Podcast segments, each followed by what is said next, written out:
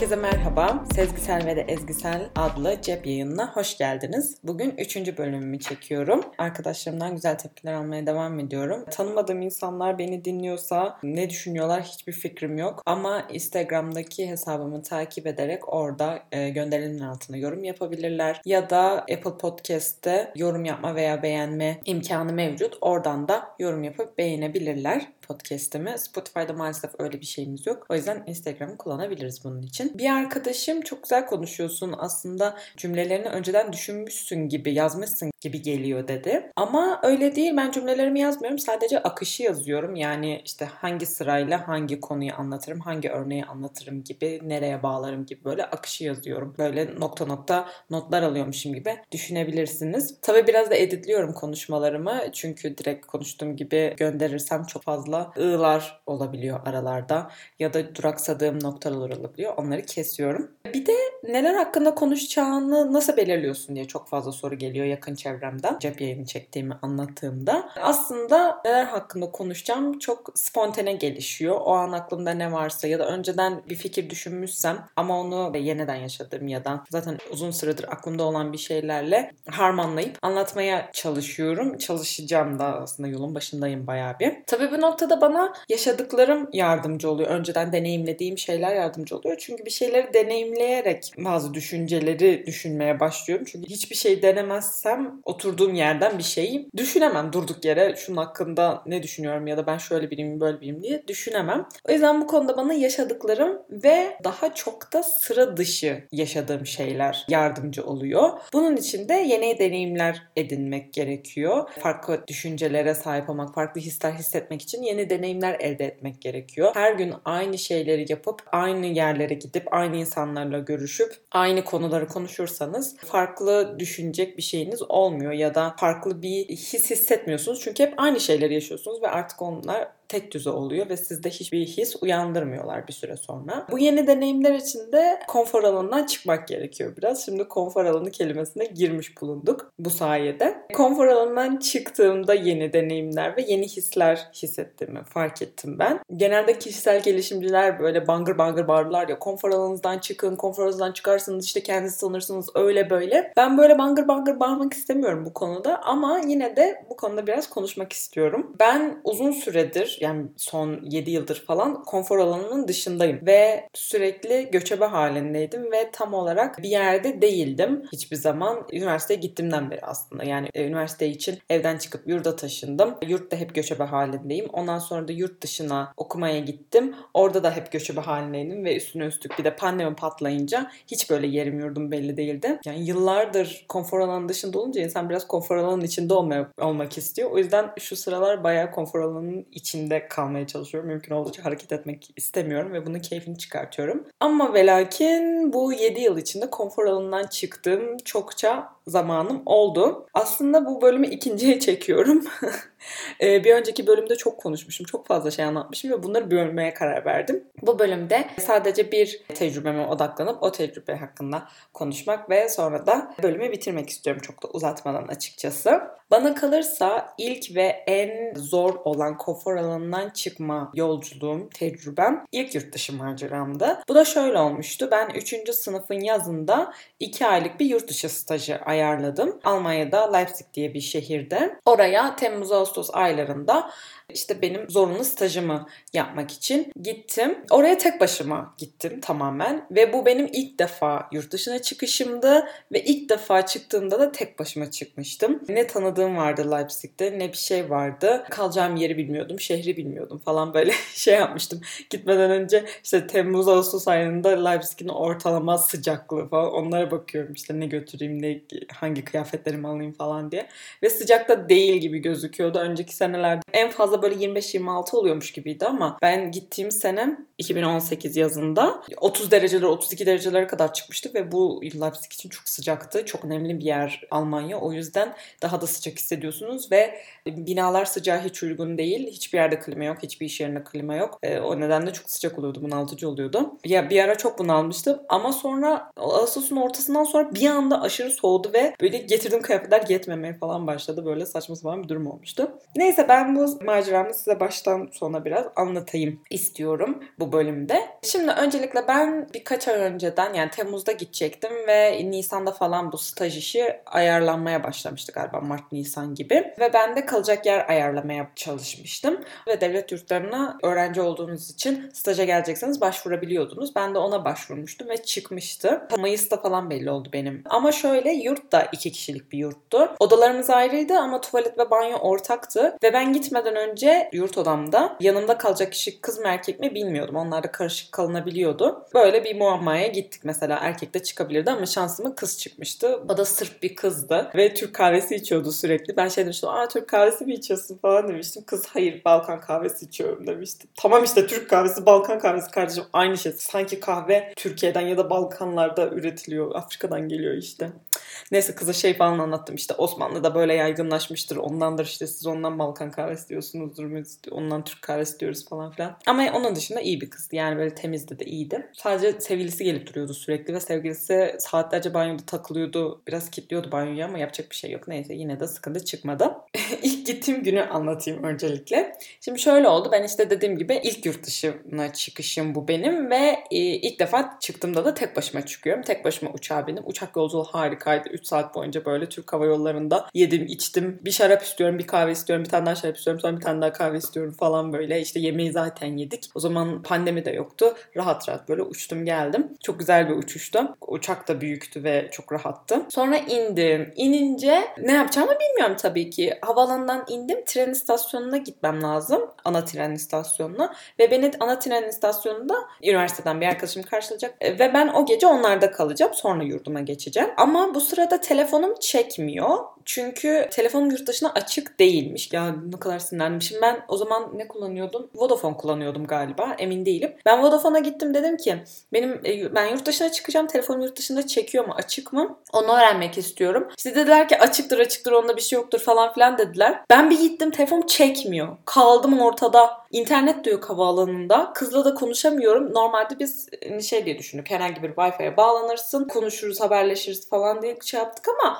Wi-Fi bulamıyorum. Havaalanında yok. Başka doğru insan da yok etrafta. Yani çok boş bir havaalanıydı. Ana tren istasyonuna gitmem lazım. Bunların bilet makineleri oluyor. Ondan bilet almaya çalışıyorum ama anlamıyorum tabii ki. Hiçbir şey bilmiyorum. Öyle bir sistem hayatımda ilk defa görmüşüm. Sonra istasyona doğru gittim. Birileri vardı böyle bir grup aile gibi. Bir baktım bunlar Türkçe konuşuyor. Sonra ben dedim ki ya bana yardım eder misiniz? Ben işte şuraya şuraya gideceğim. Sonra bana bir tane yaşlıca bir adam bilet aldı ve ben sana, sana haber veririm nerede ineceğini falan dedi. Sonra indik ana tren istasyonunda ama ana tren istasyonunun içinde değil de karşı tarafında indik. Ama benim arkadaşım içinde bekliyormuş. İçinde de Wi-Fi varmış. Tabii benim bundan haberim yok yine de. Böyle indim Allah Allah diyorum bu kız beni burada mı bekliyor, orada mı bekliyor, ne olacak falan. Sonra neyse dedim bir tren istasyonuna gireyim bari falan dedim. Sonra tren istasyonuna girerken arkadaşımı gördüm şansıma. Sonra o beni aldı Allah'tan.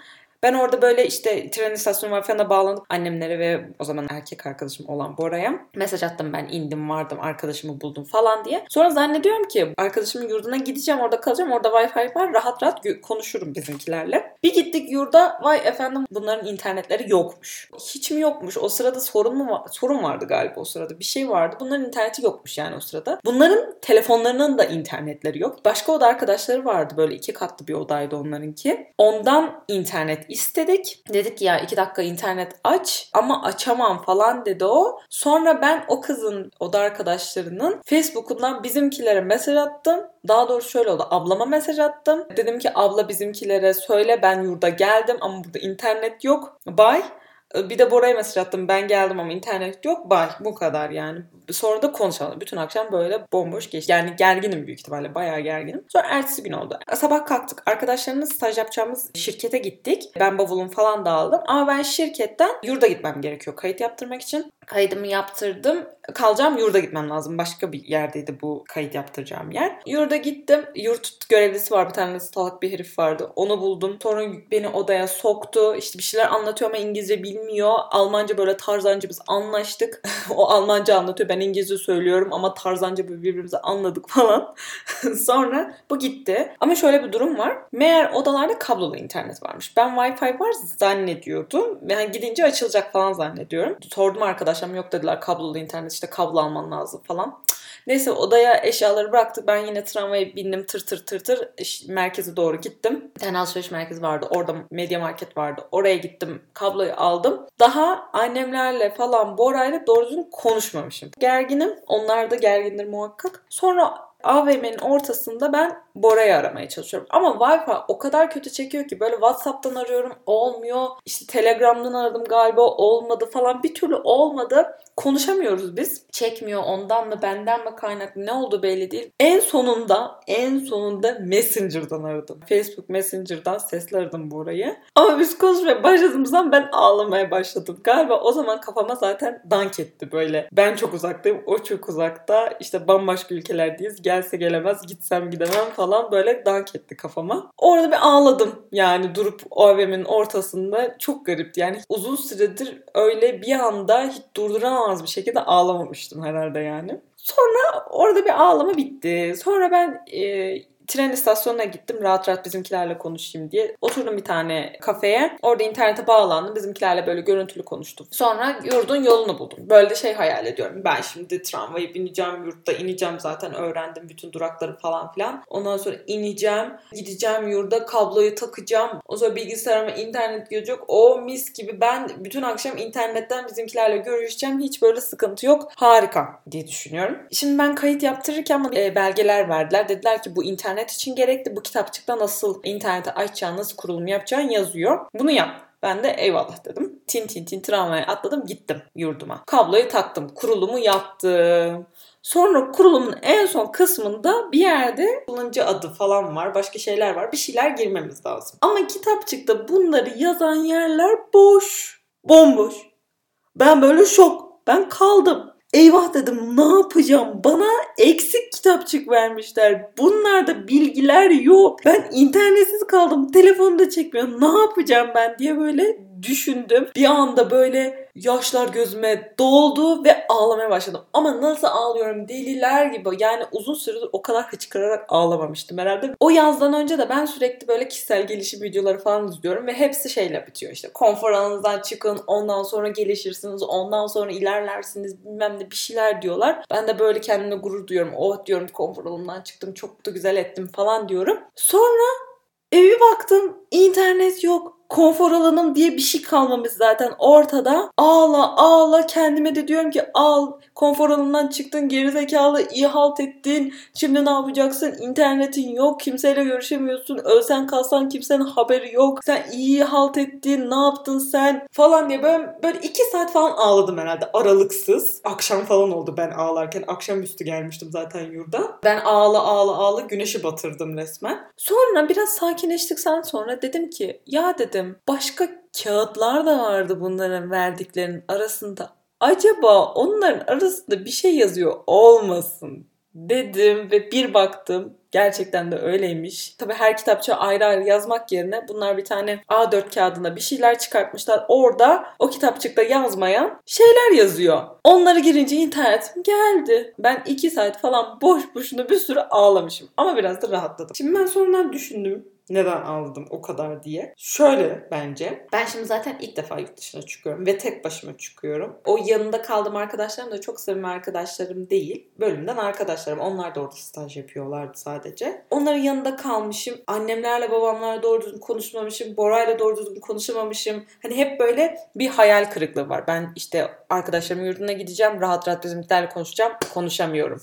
İşte tren istasyonuna gideceğim. Arkadaşımı rahat rahat bulacağım. Bulamıyorum. Telefonumu çekecek Almanya'ya gidince hemen çekmiyor. Yurda geliyorum. interneti bağlayacağım. Hemen o her şey açılacak açılmıyor. Böyle böyle dol dol dol sen geril geril geril bir ağlama bir kıyamet. iki saat hüngür hüngür ağla. Ama çok rahatladım. Hakikaten güzel oldu yani iyi ağladım. Sonra internetim gelince bizimkilerle de konuştum. Morayla da konuştum falan. Biraz rahatlık geldi. Sonra her şey daha kolay olmaya başladı. İşte internetim olunca tabii bizimkilerle daha rahat konuşuyorum. Bora'yla rahat konuşuyorum. Sonra ben bir de orada hat aldım. Onun interneti vardı. E, telefonla konuşması da vardı. Yani bir yerden bir yere giderken artık telefonum da çekiyordu. internetim de vardı. Daha rahat ettim. Sonra ben dedim ki madem buraya kadar geldik yakınlarda bir sürü de gezecek yer var, güzel yer var ben gezeyim diye düşündüm. Berlin'e, Dresden'e ve Viyana'ya tek başıma gittim. Berlin'e ve Dresden'e günübirlik gitmiştim. Dresden'de hiçbir sıkıntı çıkmadı. Dresden'e böyle zamanında gittim, zamanında geldim. İşte trenle gittim, trenle geldim falan ve çok güzel bir yerde çok beğenmiştim. Ama Berlin'e Böyle sabahın köründe gittim. Bir de günübirlik olduğu için işte bir sürü yeri göreyim diye. Akşam da geç dönmeye karar verdim ve ben 12.30'da falan işte Leipzig'e indim otobüsten. Sonra dedim ki burası Avrupa'ya işte tramvaya binip gideyim ben yurduma. Sıkıntı olmaz falan diye düşündüm. Tren istasyonunun hemen karşısında işte tramvay durağı vardı. Tramvay durağında bekliyorum ama böyle çok sarhoş ve garip grup hareketler yapan bir grup genç vardı. Ve bunlar beni çok rahatsız etti. Böyle kendimi hiç güvende hissetmedim. Çok gerildim. Aşırı derecede gerildim. Ve annem falan da şey demişti işte o kadar geç dönme Berlin'den falan demişti. Ben yine de ne olacak ya bir şey olmaz burada falan diye böyle geç dönmüştüm. O an pişman oldum ve koştur koştur taksiye gittim. Ve bir taksiye attım kendime. Ama o gruptan birileri de taksiye binmeye karar verdi. Ve yine benimle birlikte e, taksiye doğru geliyorlardı. O böyle atlayamadan ben taksiye atladım. Sonra böyle geldi bir şeyler söyledi. Almanca söylüyor tabii anlamıyorum. E, şoför de söylüyor bir şeyler kızdı falan bir şeyler bir şeyler dedi. Sonra şoför beni gösterdi bir şeyler Herhalde şey diyor yani önce o, o bindi yap, yani yap, yapacağım bir şey yok gibilerinden böyle bir şeyler dedi. Sonra çocuk böyle sinirlendi falan. Sonra taksici gitti neyse. Biz kurtulduk bundan ama aşırı derecede gerildim. Yurduma geldim öyle oh dedim. Sonra Viyana'ya da tek başıma gittim. Viyana'ya dönüşte gittim. Şöyleydi planım yani Leipzig'ten Viyana'ya gidiyorum otobüsle. E, gece yolculuğu yapacağım. Böyle 6 saat falan sürüyordu yolculuk. E, sabah Viyana'ya ineceğim. Sonra otele giriş yapacağım. Sonra orada 2 gece 3 gün falan kalacaktım. Sonra da uçakla Türkiye'ye geri döneceğim. Orada da e, giderken yine otobüse gidiyorum ama gece yolculuğu dediğim gibi otobüsün böyle 12'de falan gelmesi lazım ama otobüs bir türlü gelmiyor anasını satayım. Bir türlü gelmiyor. Geç geldi. Saatler sürdü. Böyle annem de benim otobüse binmemi bekliyor. Annemle mesajlaşıyoruz arada sırada. Türkiye'de tabii saat bir saat falan daha ileride. Benim otobüsüm geldi. Bir buçukta mı ne geldi? İşte Türkiye'de iki buçuk olmuş. Hala annem ayakta böyle benimle mesajlaşıyor. Geldi mi gelmedi mi ne yapıyorsun? Ve o sırada aşırı derecede üşümeye başladım. Çünkü hava 15 dereceye düştü. Üstümde sadece hırka var. Çok zor bir yolculuktu benim için. Daha zoru henüz başlamadı. Otobüse bindim. Otobüste zaten çok az yer kalmıştı ve Flixbus diye bir tane otobüs şirketi var. E, çok uygun fiyatlı oluyor ama asla e, servis vermiyorlar doğru düzgün. Nereye bineceğiniz bile belli değil. Biniyorsunuz böyle belediye otobüsü gibi yer buluyorsunuz, oturuyorsunuz. Kendi kendi bavullarınızı kendiniz yerleştiriyorsunuz. Neyse otobüse bindim. Önde bir yer boş. Ne oturdum. Sonra bir tane adam geldi. Hölü hölü hölü bağırmaya başladı böyle Almanca. Yine anlamıyorum. Herhalde orası benim yerim demeye çalışıyor işte. Sonra ben kalktım böyle tırıs tırıs kalktım gittim. Tabii otobüs kalkana kadar herkes oturmuştu. O gerizekalı adam bir geç kalmıştı. Diğer böyle oturabilecek her yer dolmuştu. Sonra ben en arkaya gitmek zorunda kaldım. Ama arkaya yaklaştıkça böyle bir koku geliyor burnuma doğru. Gittikçe gittikçe daha da artmaya başladı bir koku. Ve sonra anladım ki bu koku bir kusmuk kokusu. Arkada bir tane çift var. Çiftin bir tane bebeği var. Bebek bir yerleri kusmuş. Nereye kustu belli değil. Ve arka 3-4 sıra falan olduğu gibi kusmuk kokuyor. Bu arada çift yan yana da oturmuyor. Adam soldaki en köşedeki yerde oturuyor. Kadın sağdaki en köşede yerde çocukla oturuyor. Ben ortalarında ve tam olarak koridorun ortasında oturuyorum. Araba böyle son anda bir fren yapsa bir şey olsa direkt böyle yaldır yaldır koridora yapışıyorum yani yüzüstü. Öyle bir oturma şekli. Neyse mecbur oturduk orada ama nasıl kokuyor ve burnum bir türlü kokuya alışmıyor. Yani o kokuya bir türlü alışmıyor. Normalde 10-15 dakika sonra bir kokuya burnunuz alışır değil mi? Alışmıyor. Saatlerce aynı kokuyu kokladım. Yine de aynı, yine de aynı. En sonunda Prag'da mıydık neydik? Birileri indi ön sıralardan birkaç ön sıra yani çok ön sırada değil. Geçtim hemen oraya oturdum yani koku biraz azdı ama yine de geliyordu. Öyle korkunç bir yolculuk.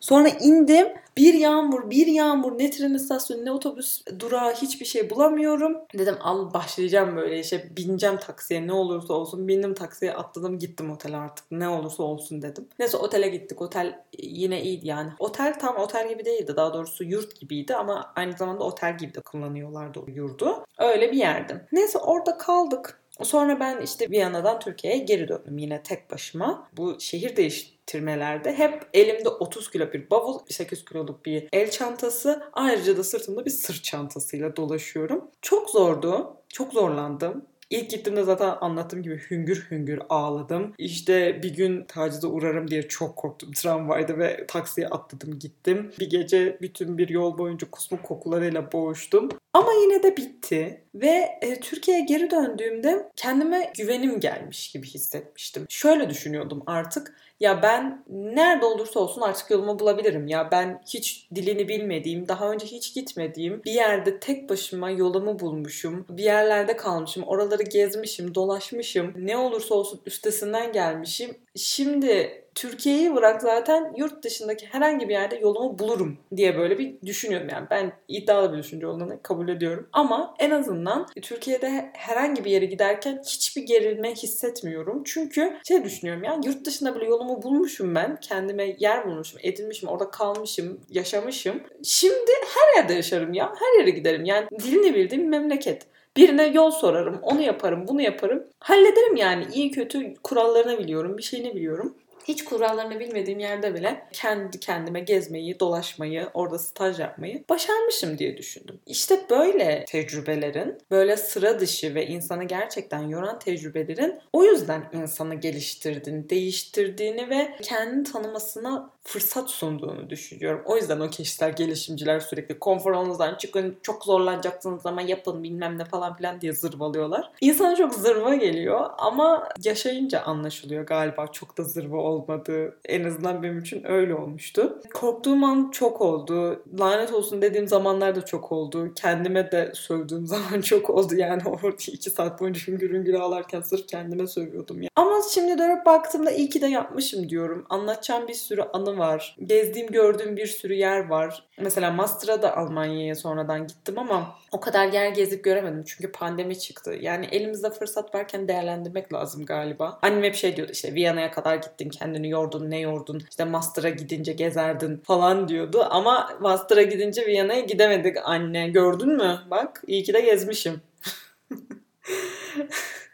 Neyse yani hayat böyle. Elinde fırsat varken yapmak lazım. Elden kalan 50 gün kalıyor diyorlar ya yani. Aynen öyle. Elden kalan 50 gün kalıyor. Bir şey yapmıyorsanız o kalıyor. Bir daha da yapılmıyor. Belki de başka bir zaman karşınıza fırsat çıkmıyor. Bu anılarımı neden anlatıyorum? Çünkü bu anılarım bana kendimi tanımamı sağlayan deneyimler. Ben bu deneyimler sayesinde neyi yapmayı seviyorum, neyi yapmayı sevmiyorum, neyi başarabiliyorum, neyi başaramıyorum, neyin üstesinden kolay geliyorum, neden çok zorlanıyorum ya da ben nasıl biriyim, neyle karşılaştığımda nasıl tepki veriyorum. Bunları görmemi sağladı. Çünkü düşünsenize yani her gün aynı yere gitseniz, gelseniz, sonra evinizde otursanız kendinizi nasıl tanıyacaksınız ki? Farklı hiçbir şey yaşamazsanız neye nasıl tepki vereceğinizi nereden bileceksiniz ki? Hiçbir zaman çikolatayı görmemiş birisi çikolatayı sevip sevmediğine dair bir fikir edinebilir mi? Hayır, edinemez. Eğer çikolatayı tadarsa ancak ya ben çikolatayı seviyorum ya da sevmiyorum. Bir daha çikolata yemek isterim ya da istemem. Çikolata yemek beni mutlu ediyor ya da beni mutsuz ediyor diyebilir. Onu hiç görmeyen birisi nasıl bu konuda fikir sahibi olabilir ki? O yüzden bir şeyleri denemek lazım, görmek lazım. Elimizdeki her fırsatı değerlendirmek lazım diye düşünüyorum ben. Ama şöyle de bir sorun var ya sürekli yeni şeyler denemek, sürekli konfor alanı dışında olmak da insanı bir süre sonra yoruyor. Benim olduğu gibi. Ben şu an hiç konfor alanından çıkmak istemiyorum. Olduğum yerde kalmak, hiç hareket etmek istemiyorum. Yani böyle evimden 50 kilometre falan uzağa gitmek istemiyorum.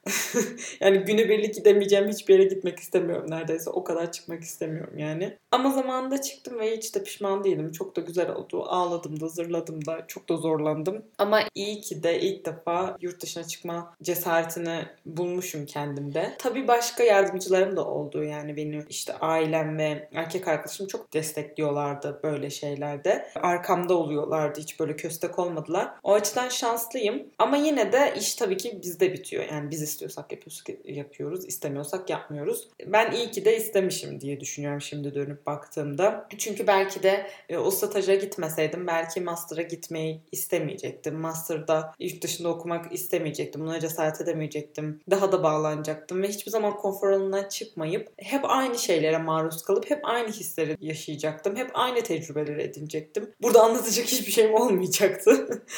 Burada iki saat ağlamamı işte e, acaba tacize uğrar mıyım deyip koşu koşu taksiye binmelerimi anlatamayacaktım. Biraz böyle kar topu gibi oluyor. Bir şey bir şeye etki ediyor. O başka bir şeye sebep sebep oluyor. O da başka bir şeye sebep oluyor ve bunlar büyük büyüyüp en sonunda bizim karakterimizi tanımamıza sağlıyorlar. Ve hatta karakterimizi geliştirmemize yardımcı oluyorlar. Çünkü ben muhtemelen bu deneyimleri hiçbir zaman edinmeseydim hep o 17 yaşında kendine hiç güvenmeyen, özgüvensiz bir kız olarak kalacaktım. Ama şu an kendime güveniyorum. Bir yerde zorlansam da birçok şeyin üstesinden gelebileceğimi düşünüyorum. Çünkü önceden yapabildim. Hiç yapmasaydım bunu hiçbir zaman düşünemeyecektim. Yapamayacağımı düşünecektim muhtemelen. Çünkü zaten özgüvensiz biriydim ergenlikte. Ergenlikte özgüvensiz olmanın da çok mantıklı olduğunu düşünüyorum. Çünkü dediğim gibi yani kendimi tanımıyorum ki hiçbir tecrübem yok ki neyi başarmışım ki kendime güveneceğim. Öbür türlüsü çünkü kof bir güven olurdu. Ama yine de ne kadar özgüvensiz olursak da olalım ama sanırım biraz cesur olmak lazım. Ee, o cesareti belki başkalarından yardım alarak biraz da kendimizi zorlayarak ortaya çıkarmamız gerekiyor diye düşünüyorum. Çünkü tek başıma ben yapamazdım. Yani tek başıma buna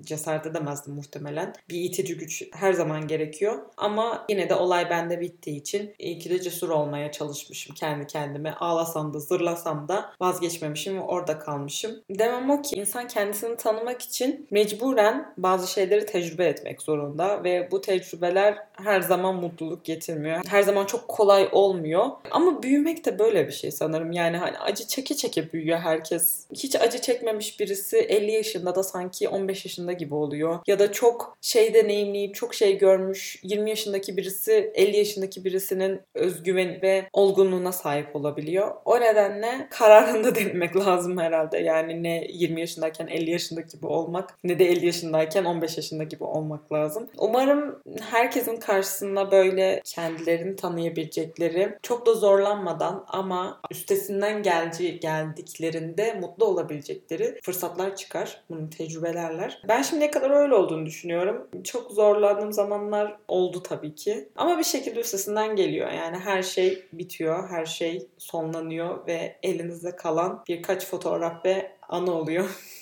Biraz şey bitti ya bu. Hüzünlü bitti sanki ama hüzünlü değilim ya. güzel yani güzel güzel anılar hepsi. Çok mutluyum hepsini yaşadığım için. Size de tavsiye ediyorum. İyi ki de o videoları izleyip konfor alanından çıkmaya karar vermişim diye düşünüyorum. Bu bölümü de böylece noktalıyorum. Beni dinlediğiniz için teşekkür ederim. Beni Instagram'dan da takip edebilirsiniz ve orada da yine hayatıma dair kesitlere şahit olabilirsiniz. Bir dahaki bölümde görüşmek üzere. Hoşçakalın.